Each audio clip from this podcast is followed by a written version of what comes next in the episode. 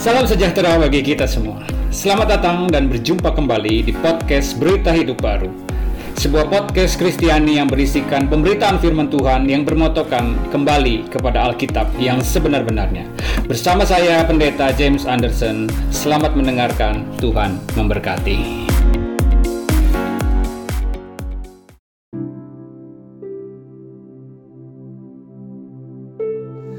Shalom sahabat berita hidup baru yang dikasihi Tuhan. Pada kesempatan kali ini saya akan menyampaikan firman Tuhan dengan judul Saya Murid Kristus katanya.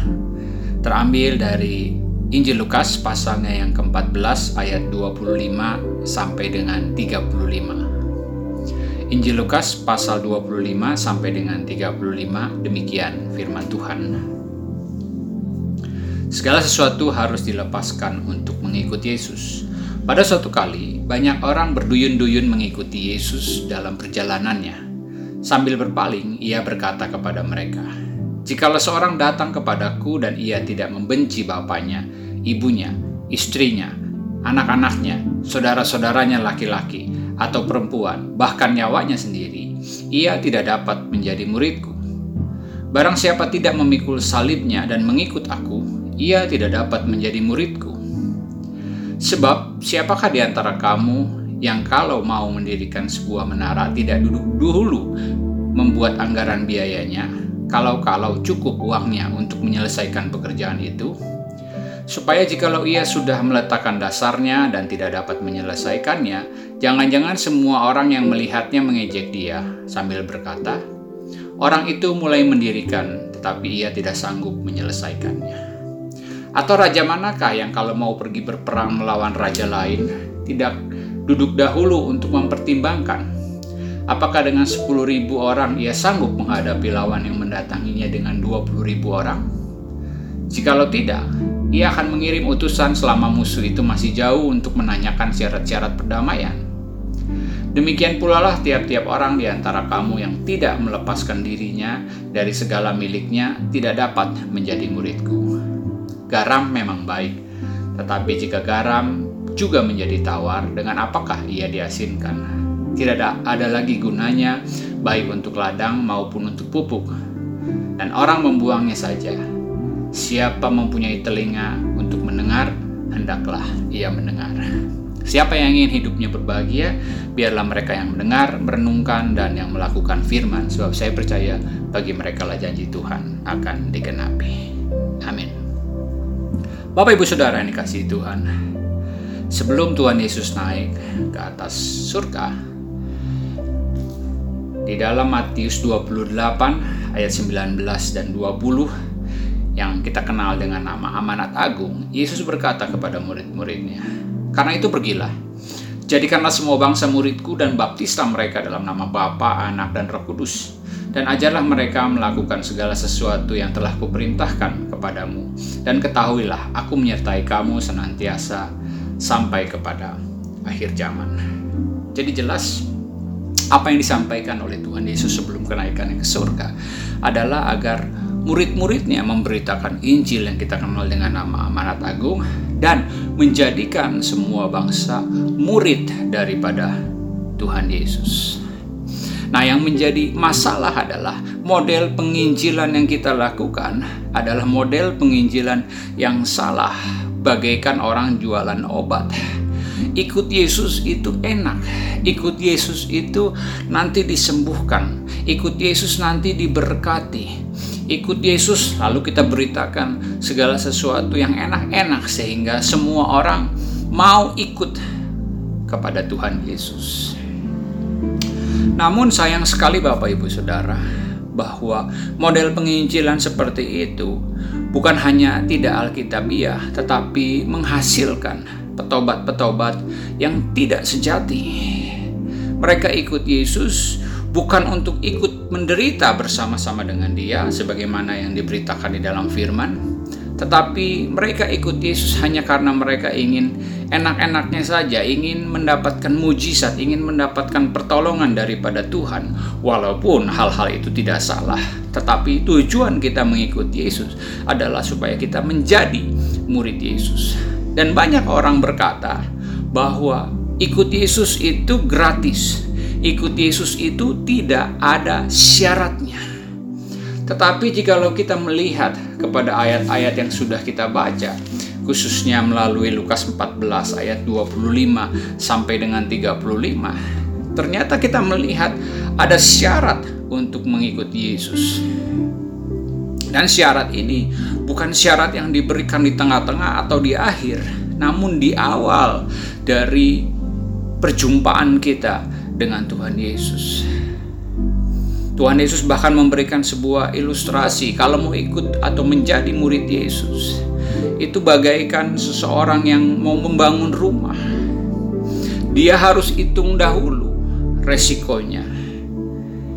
Kalau orang mau membangun rumah, dia harus hitung dulu anggarannya. Cukup nggak untuk aku menyelesaikan pembangunan rumah?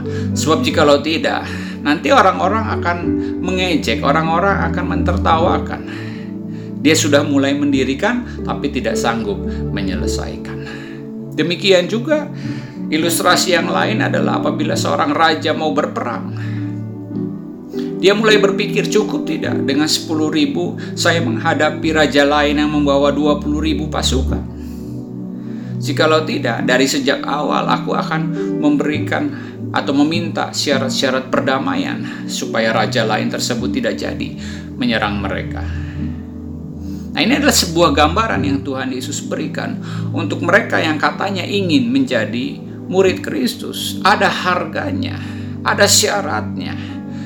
Dan syarat-syarat ini harus dipertimbangkan supaya apa? Supaya tidak menjadi olok-olokan atau tidak menjadi ejekan dari orang lain ketika mereka melihat kita berhenti di tengah jalan untuk mengikuti Yesus. Ada banyak orang yang pada akhirnya meninggalkan Yesus karena alasan-alasan yang salah. Itulah sebabnya diberikan sebuah ilustrasi supaya kita tidak menjadi bahan olok-olokan oleh orang-orang lain. Nah, mari kita melihat apa saja yang menjadi syarat untuk menjadi murid Kristus. Syarat yang pertama ada di ayat yang ke-26 yaitu bahwa kita harus mengasihi Allah lebih daripada siapa pun.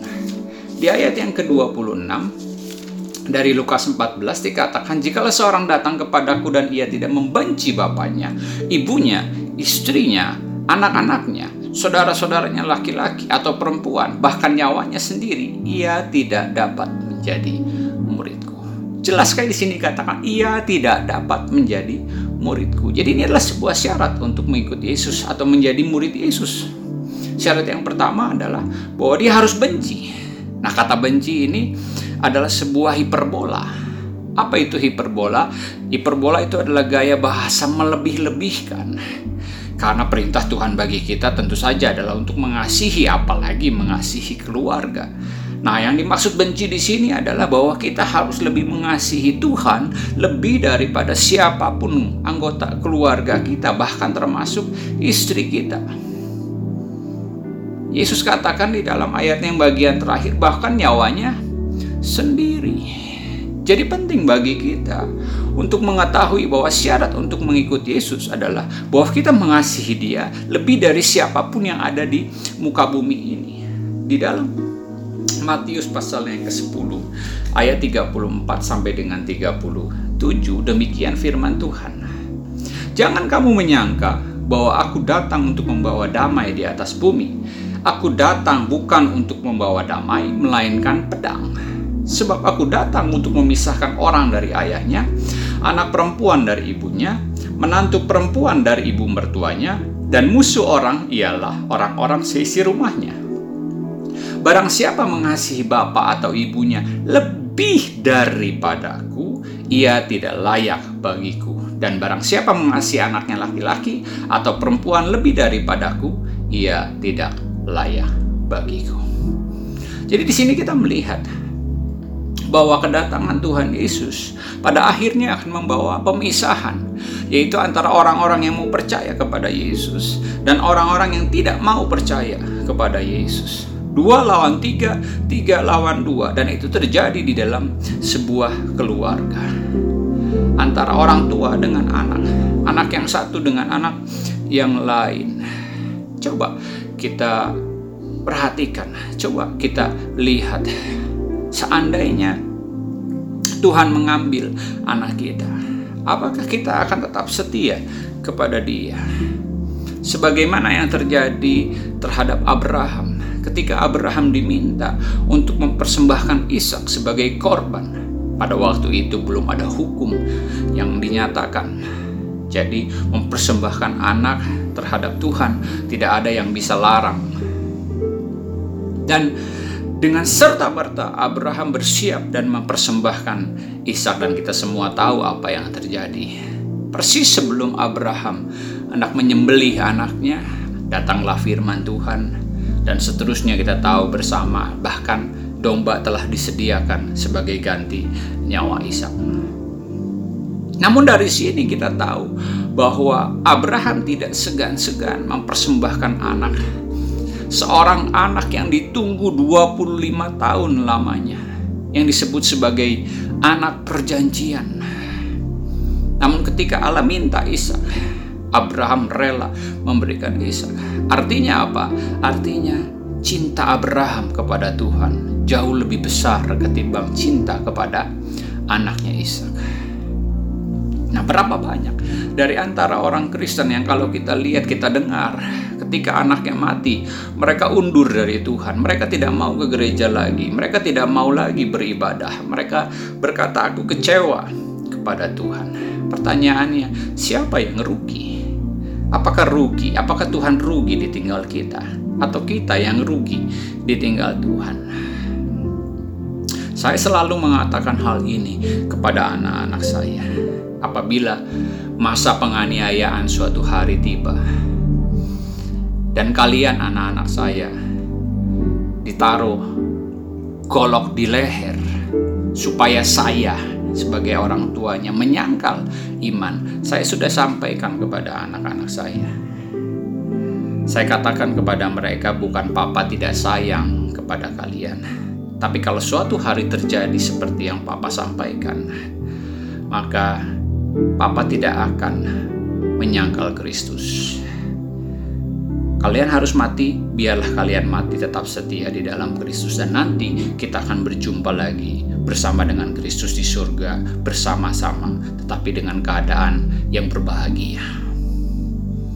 Jadi jelas Bapak Ibu Saudara bahwa bagi kita anak, istri, dan siapa pun juga selalu harus nomor dua dibanding dengan Tuhan. Mungkin Tuhan tidak akan minta anak kita sebagaimana Tuhan minta kepada Abraham, tetapi Tuhan tahu nilai entah itu pasangan kita atau anak kita atau siapa pun dari anggota keluarga kita, apakah nilainya lebih besar daripada Tuhan? Dan kalau di dalam hati kita nilainya lebih besar daripada Tuhan, Alkitab katakan atau lebih tepatnya Yesus katakan engkau tidak layak bagiku. Lukas mengatakan dia tidak layak menjadi muridku. Jadi Bapak Ibu Saudara penting sekali bagi kita untuk benar-benar menjadi murid Kristus bukan menurut pengakuan kita bahwa saya adalah murid Kristus, tetapi pengakuan daripada Yesus sendiri bahwa kita adalah muridnya. Dan salah satu syaratnya adalah bahwa kita mengasihi Tuhan lebih daripada siapa pun. Yang kedua, syarat yang kedua adalah di ayat 27 di mana di dikatakan, Barang siapa tidak memikul salibnya dan mengikut aku, ia tidak dapat menjadi muridku. Jadi inilah syarat yang kedua, yaitu kita harus pikul salib dan mengikut Yesus. Nah, apa artinya kita memikul salib? Ada banyak tafsiran yang sering kita dengar dari yang namanya memikul salib. Bahwa kalau kita hidup di dalam penderitaan, orang berkata, inilah salib yang harus saya tanggung. Ada orang yang berkata, saya menderita sakit penyakit ini dari sejak saya masih kecil Mungkin ini adalah salib yang harus saya tanggung. Lalu ada lagi orang yang berkata, istri saya adalah istri yang kurang baik. Mungkin ini adalah salib yang harus saya pikul. Namun Bapak Ibu Saudara, walaupun penafsiran-penafsiran demikian adalah penafsiran-penafsiran yang menarik. Namun penafsiran-penafsiran tersebut dilihat hanya dari konteks zaman sekarang. Tetapi kalau kita hidup di dalam abad yang pertama, yaitu masa penjajahan kekaisaran Romawi, maka salib itu artinya hanya satu, yaitu kematian secara memalukan, kematian yang paling hina, karena hanya para pemberontak-pemberontak yang matinya di atas kayu salib. Hanya orang-orang pembunuh yang matinya di atas kayu salib. Dan mereka yang difonis mati di atas kayu salib, mereka itu harus menanggung salib mereka sendiri sampai ke tempat tujuan, di mana sepanjang perjalanan, di mana mereka harus memikul salib mereka. Ada banyak cercaan, ada banyak hinaan, bahkan ada kemungkinan mereka dilempari batu dan diludahi oleh banyak orang, karena mereka memang adalah orang-orang yang jahat orang-orang yang memang pantas untuk mati di atas kayu salib. Jadi, ketika kita mendengar Yesus berkata bahwa ia harus mengikul salibnya dan mengikut aku, maka tidak ada arti lain, Bapak Ibu Saudara, bahwa yang namanya memikul salib itu adalah bahwa kita siap menderita bagi Dia, bahwa kita siap menanggung uh, malu daripada orang-orang. Untuk apa? Untuk kita juga bersiap mati bagi Tuhan bahwa nyawa kita sendiri pun di hadapan Tuhan harus kita persembahkan bahwa yang namanya ikut Yesus segala-galanya harus kita berikan di dalam Lukas pasalnya yang ke-9 ayat 22 sampai dengan 25 di sana lebih jelas Bapak Ibu Saudara. Lukas 2 Lukas 9 ayat 22 sampai dengan 25 Lukas pasal 12 Lukas pasal 9 maaf ayat 22 sampai dengan 25 dan Yesus berkata Anak manusia harus menanggung banyak penderitaan dan ditolak oleh tuan-tuan tua-tua, imam-imam kepala dan ahli-ahli Taurat lalu dibunuh dan dibangkitkan pada hari ketiga. Jadi jelas Yesus sedang berbicara mengenai kematiannya. Katanya kepada mereka semua ayat 23 setiap orang yang mau mengikut aku, ia harus menyangkal dirinya, memikul salibnya setiap hari dan mengikut aku. Karena barang siapa mau menyelamatkan nyawanya, ia akan kehilangan nyawanya. Tetapi barang siapa kehilangan nyawanya, karena aku, ia akan menyelamatkannya. Jadi jelas Bapak Ibu Saudara, secara konteks Yesus sedang berbicara mengenai kematian dan kematian Tuhan Yesus adalah kematian di atas kayu salib. Dan sesudah dia berkata bahwa aku akan dibunuh dan dibangkitkan pada hari yang ketiga, lalu dilanjutkan dengan perkataan setiap orang yang mau mengikut aku, ia harus menyangkal dirinya, memikul salibnya setiap hari dan mengikut aku. Jadi artinya apa? Setiap orang yang mau mengikut Yesus, dia harus memiliki sikap di dalam hatinya bahwa aku mati bersama-sama dengan Kristus dan bangkit bersama-sama dengan Kristus, bukankah hal itu yang kita nyatakan pada saat kita memberi diri dibaptis? Karena makna dari baptisan adalah mati bersama Kristus, dikubur bersama Kristus, dan bangkit bersama-sama dengan Kristus. Jadi sikap kita untuk kita mengikut Yesus adalah bahwa aku siap mati. Tentu saja keinginan kita adalah bahwa kita hidup untuk diri kita sendiri kita punya keinginan-keinginan daging. Tetapi Yesus katakan kamu harus sangkal dirimu. Sangkal keinginan daging kita. Termasuk keinginan untuk hidup untuk diri kita sendiri. Hidup kita adalah untuk Tuhan. Kita harus siap mati untuk Tuhan. Pikul salibnya. Walaupun diejek, walaupun diolok-olok oleh orang lain, tetapi kita memang siap mati untuk Tuhan. Baru yang ketiga kita dapat mengikut Dia. Mengikut Kristus. Itulah arti dari kata Kristen. Kristen, Kristianos artinya adalah pengikut Kristus. Untuk dapat kita menjadi pengikut Kristus, syaratnya adalah sangkal diri, pikul salib. Hanya itu, Bapak Ibu Saudara. Jadi, kalau kita mau menjadi murid Kristus, syarat yang kedua adalah bahkan nyawa kita sendiri pun kita tidak sayangkan lagi. Bahwa hidup kita kita persembahkan hanya bagi Tuhan hanya bagi kemuliaannya, hanya bagi kerajaannya. Murid-murid pada zaman dahulu, pada zaman Tuhan Yesus, hidup ketika memberitakan Injil, mereka yang mendengar, mereka harus menimbang-nimbang. Itulah sebabnya Yesus memberikan sebuah ilustrasi. Ikut Yesus pasti menderita, dikejar-kejar, bahkan dibunuh. Kalau zaman sekarang kita mendengar orang Kristen dianiaya, sedikit saja kita sudah heboh, kita sudah memberitakan ke sana sini. Si Anu mendapatkan penganiayaan. Mari kita berdoa. Tentu saja berdoa adalah hal yang baik. Tetapi murid-murid pada zaman abad pertama apabila mendengar ada orang Kristen yang hidupnya tidak dianiaya, mereka merasa heran.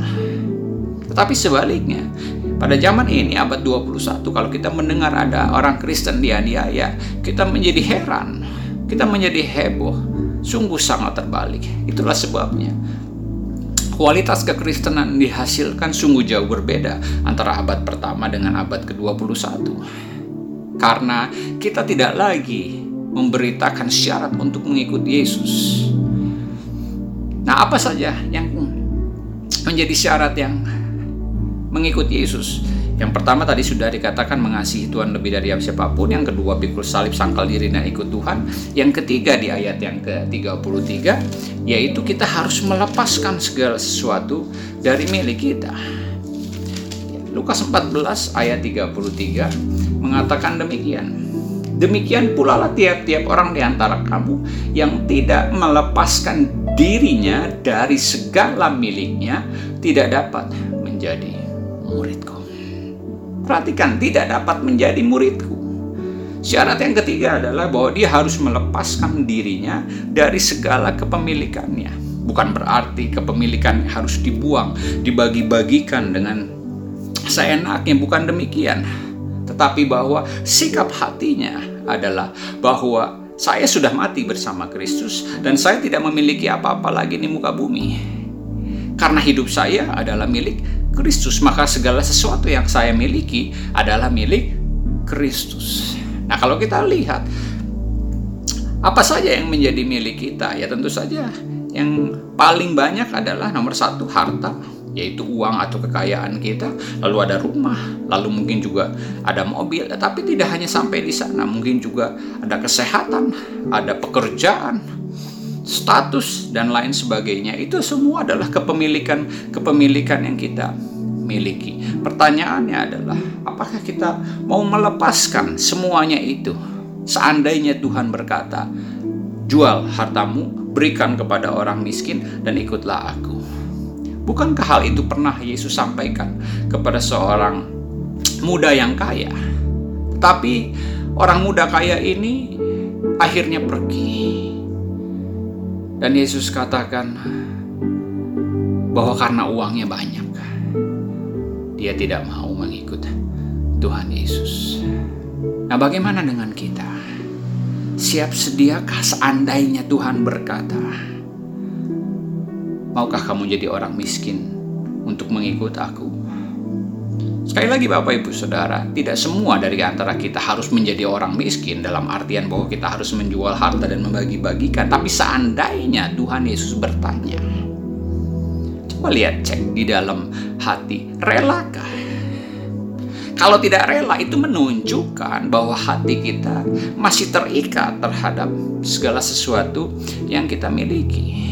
Seandainya malam ini Tuhan berkata, "Halo David, lepaskan pekerjaanmu dan ikutlah aku.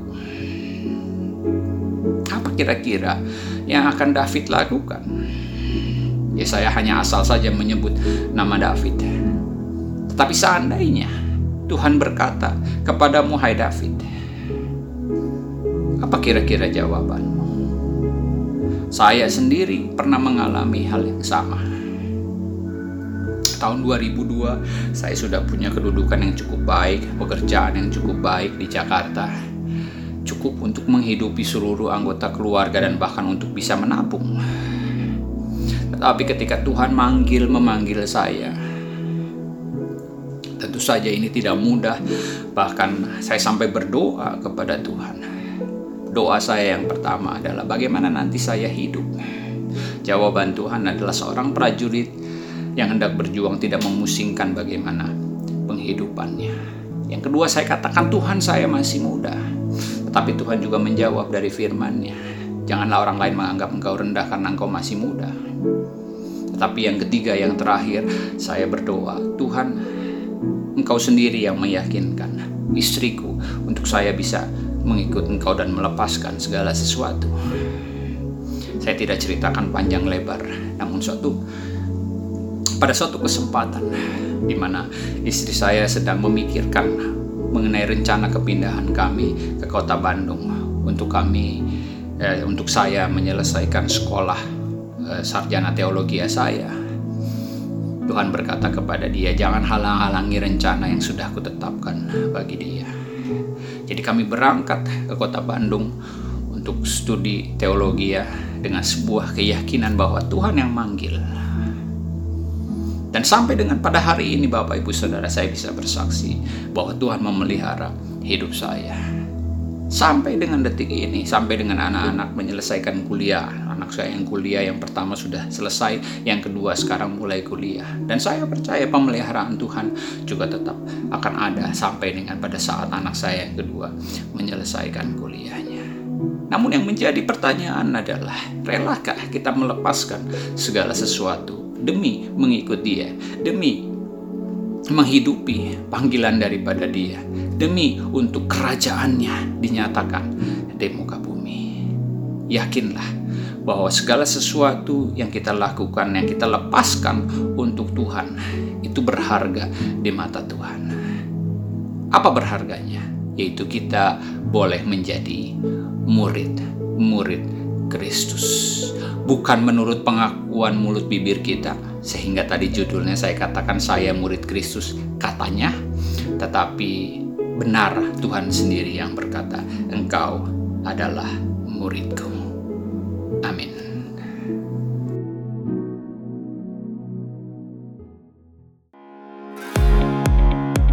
Terima kasih sudah mendengarkan podcast Berita Hidup Baru. Kami juga menyediakan pemberitaan firman Tuhan dalam bentuk tulisan yang dapat saudara temukan di situs kami, beritahidupbaru.blogspot.com, tanpa menggunakan spasi. Semoga apa yang saudara dengar atau saudara baca dapat menjadi berkat dalam hidup saudara. Amin. Tuhan memberkati.